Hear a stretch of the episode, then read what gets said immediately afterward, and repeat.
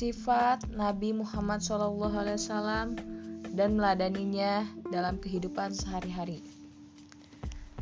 Kepribadian Nabi Muhammad SAW Dalam kitab-kitab dituliskan bahwa Nabi Muhammad SAW adalah manusia yang paling baik budi pekertinya. Rasulullah SAW memiliki kepribadian yang terpuji. Beliau mempunyai kelebihan dibanding dengan manusia biasa. Beliau adalah orang yang unggul, pandai, terpelihara dari hal-hal yang buruk Perkataannya lembut, ahlaknya utama, sifatnya mulia, jujur, terjaga jiwanya, terpuji kebaikannya, paling baik amalnya, tepat janji, paling bisa dipercaya. Hal itu tampak sejak masih kanak-kanak sampai dewasa sebelum diangkat sebagai Rasul Allah Subhanahu wa taala. Semasa kecil, beliau terpelihara dari hal-hal yang tercela. Beliau memiliki sifat tabah, sabar, hormat, taat, dan rajin bekerja. Hal itu tampak ketika beliau menjadi seorang pengembala kambing. Beliau tidak malu menjalankan pekerjaannya itu untuk mencukupi kebutuhan kehidupannya sehari-hari. Kadang-kadang, sebagian upahnya diberikan kepada pamannya sehari-hari. Karena keluarga pamannya bukan termasuk yang berkecukupan. Dengan sifatnya yang jujur, Sejak kecil Muhammad sudah dikenal sebagai anak yang dapat dipercaya. Beliau sangat dicintai oleh teman-temannya karena tidak pernah berbohong, tidak sombong, maupun menyakiti orang lain. Beliau memiliki sifat sidik, jujur, amanah, dapat dipercaya, fatonah, cerdas, sifat-sifat yang telah dimilikinya sebelum diutus menjadi rasul. Maka layaklah kita bila kita bila kemudian masyarakat memberikan gelar kepada beliau Al-Amin karena kejujuran dan kemuliaan akhlaknya.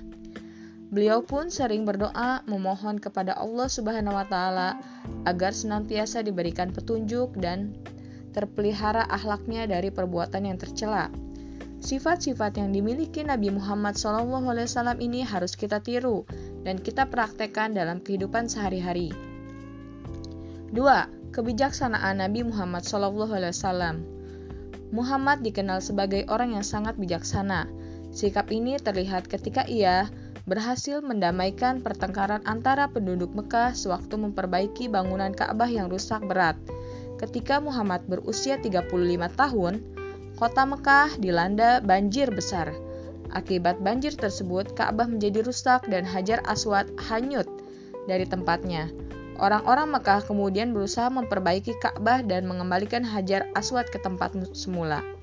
Pada waktu itu, perbaikan Ka'bah dilakukan secara gotong royong. Para penduduk Mekah membantu dengan sukarela, tetapi timbul pertengkaran antara mereka ketika akan meletakkan Hajar Aswad batu hitam di tempatnya semula. Setiap suku, kelompok merasa paling berhak untuk meletakkannya karena dalam kepercayaan masyarakat Arab ketika itu bahwa hanya orang dari suku yang paling terhormat yang berhak meletakkan Hajar Aswad.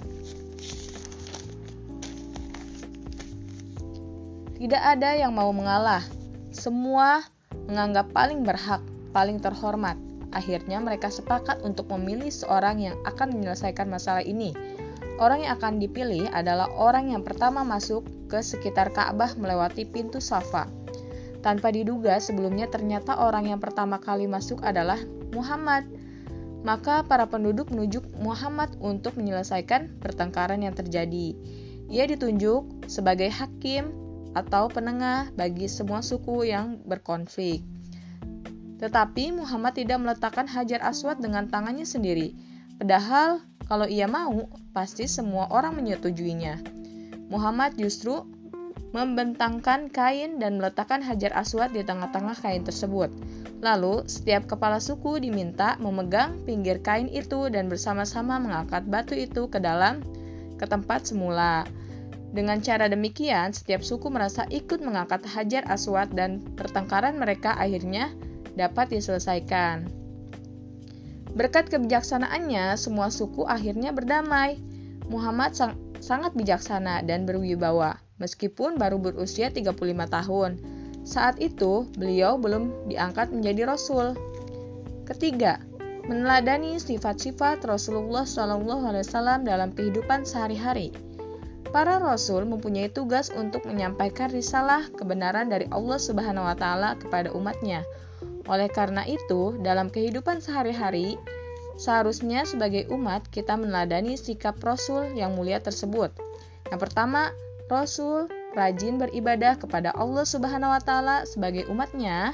Kita mencontoh rasul yang selalu rajin beribadah kepada Allah Subhanahu wa taala dalam segala hal. Kedua, Rasul orang yang jujur, tidak pernah berdusta. Sebagai umatnya, kita harus senantiasa berperilaku jujur, berperilaku kepada setiap orang. 3. Rasul orang yang dapat dipercaya dalam memegang amanah. Oleh karena itu, sebagai umatnya kita harus selalu berbuat amanah kepada setiap orang. Keempat, Rasul orang yang cerdas sebagai umatnya, maka kita harus menjadi orang yang pandai. Kita harus bisa menguasai ilmu pengetahuan, baik ilmu agama maupun ilmu duniawi. Dalam melaksanakan perintah Allah Subhanahu wa taala dan rasulnya pun harus didasarkan ilmu. Kelima, Rasul selalu menyampaikan kebenaran sepahit apa pun kepada orang lain. Sebagai umatnya, kita pun harus menyampaikan kebenaran walaupun dirasakan pahit. Keenam, Rasul selalu sabar dalam menghadapi ujian dari Allah Subhanahu wa taala, tidak pernah berputus asa, tidak pernah ya kita harus yakin dengan ketetapan yang telah Allah Subhanahu wa taala berikan. Kita harus sabar dalam melaksanakan tugas dan amanah Allah Subhanahu wa taala. Kita tidak boleh berputus asa. Nah, dari cerita di sini bahwa Rasul itu adalah orang yang bijaksana ya. Nah, di situ ada di halaman halaman 9 sampai 10. Selanjutnya dikerjakan halaman 13 bagian 1 2 dan bagian 3 di halaman sampai halaman 15 ya. Sampai bagian 3, oke? Okay? Semangat terus ya. Wassalamualaikum warahmatullahi wabarakatuh.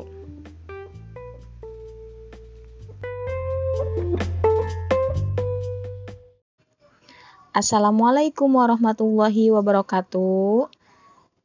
Apa kabar anak-anakku kelas 3A dan kelas 3B? Nah, semoga selalu sehat dan semangat ya. Kita bertemu lagi dalam pembelajaran Pendidikan Agama Islam PAI. Nah, sekarang kita belajar tentang kalimat-kalimat dalam surat An-Nasr dan surat Al-Kausar. Di sini dilihat ya, buku paketnya halaman 3, dilihat dan didengarkan. Halaman 3, tahukah kamu tentang surat An-Nasr dan Al-Kausar? Surat An-Nasr dari segi urutannya dalam mushaf merupakan surah yang ke-110 An-Nasr artinya pertolongan. Surat An-Nasr turun setelah surat At-Taubah. Surat An-Nasr terdiri atas tiga ayat dan termasuk golongan surat Madaniyah. Surat Madaniyah yaitu surat yang turun setelah Rasulullah SAW hijrah ke Madinah. Akan tetapi, surat An-Nasr turun di kota Mekah. Di dalam surat ini, Allah Subhanahu wa taala menjelaskan bahwa agama Islam yang disampaikan melalui Nabi Muhammad SAW pasti akan membawa kemenangan dan menjadi agama yang banyak diikuti oleh manusia. Surat An-Nasr ayat 1 sampai 3 yaitu artinya ayat 1 apabila telah datang pertolongan Allah dan kemenangan. Nah, ayat 2 dan engkau melihat manusia berbondong-bondong masuk agama Allah. Nah, yang ketiga artinya maka bertasbihlah dengan memuji Tuhanmu dan memohon ampunan kepadanya. Sungguhnya dia maha penerima taubat. Sementara surat Al-Kausar dari segi urutannya dalam mushaf merupakan surat yang ke-108. Dari segi urutan diturunkannya kepada Nabi Muhammad SAW. Surat Al-Kausar ini merupakan wahyu ke-14. Surat ini turun setelah surat Al-Adiyat. Surat Al-Kausar turun ketika Nabi Muhammad SAW masih berada di Mekah atau dapat juga disebut sebagai surat Makiyah. Surat Makiyah yaitu surat yang turun sebelum Nabi Muhammad SAW hijrah ke Madinah. Al-Kausar artinya nikmat yang banyak. Surat Al-Kausar ini terdiri atas tiga ayat dan merupakan surat yang terpendek dalam Al-Quran. Adapun arti dari surat Al-Kausar yaitu, Sungguh kami telah memberimu Muhammad nikmat yang banyak. Nah, yang kedua, maka laksanakanlah sholat karena Tuhanmu dan berkurban, berkurbanlah sebagai ibadah dan mendekatkan diri kepada Allah. Sungguhnya orang-orang yang membencimu dialah yang terputus dari rahmat Allah Subhanahu wa taala. Salat dan bersyukur, bersyukurlah supaya Allah Subhanahu wa taala menambah nikmat atas darimu. Nah, yang B, halaman 4, menghafal kalimat-kalimat dalam surat An-Nasr dan surat Al-Kausar. Nah, baiklah anak-anak, setelah kita tahu tentang surat An-Nasr dan Al-Kausar, baik artinya ataupun ayat-ayatnya, sekarang kita akan belajar menghafal bentuk huruf atau kalimat-kalimat dalam surat An-Nasr dan Al-Kausar sebagaimana yang akan kita pelajari berikut satu persatu. Mari perhatikan anak-anak, langkah pertama kita baca bersama-sama dah. Dahulu surat An-Nasr secara berulang-ulang 5 sampai 10 kali. Nah, kita baca dulu ya surat An-Nasr. Bismillahirrahmanirrahim. Idza jaa nasrullahi wal fath wa ra'aitan nasa yadkhuluna fi dinillahi afwaja fasabbih bihamdi rabbika wastaghfir innahu kana tawwaba nah kalian ulang-ulang agar hafal ya artinya yang arti yang pertama apabila telah datang pertolongan Allah dan kemenangan. Yang kedua, dan engkau melihat manusia berbondong-bondong masuk agama Allah. Yang ketiga, maka bertasbihlah dengan memuji Tuhanmu dan memohonlah ampunan kepadanya. Sungguhnya dia maha menerima taubat. An-Nasr ayat 1 sampai 3 ayat ke 110. Nah, anak-anak bisa kalian pahami dan dibaca-baca dan dihafalkan surat An-Nasrnya. Ya.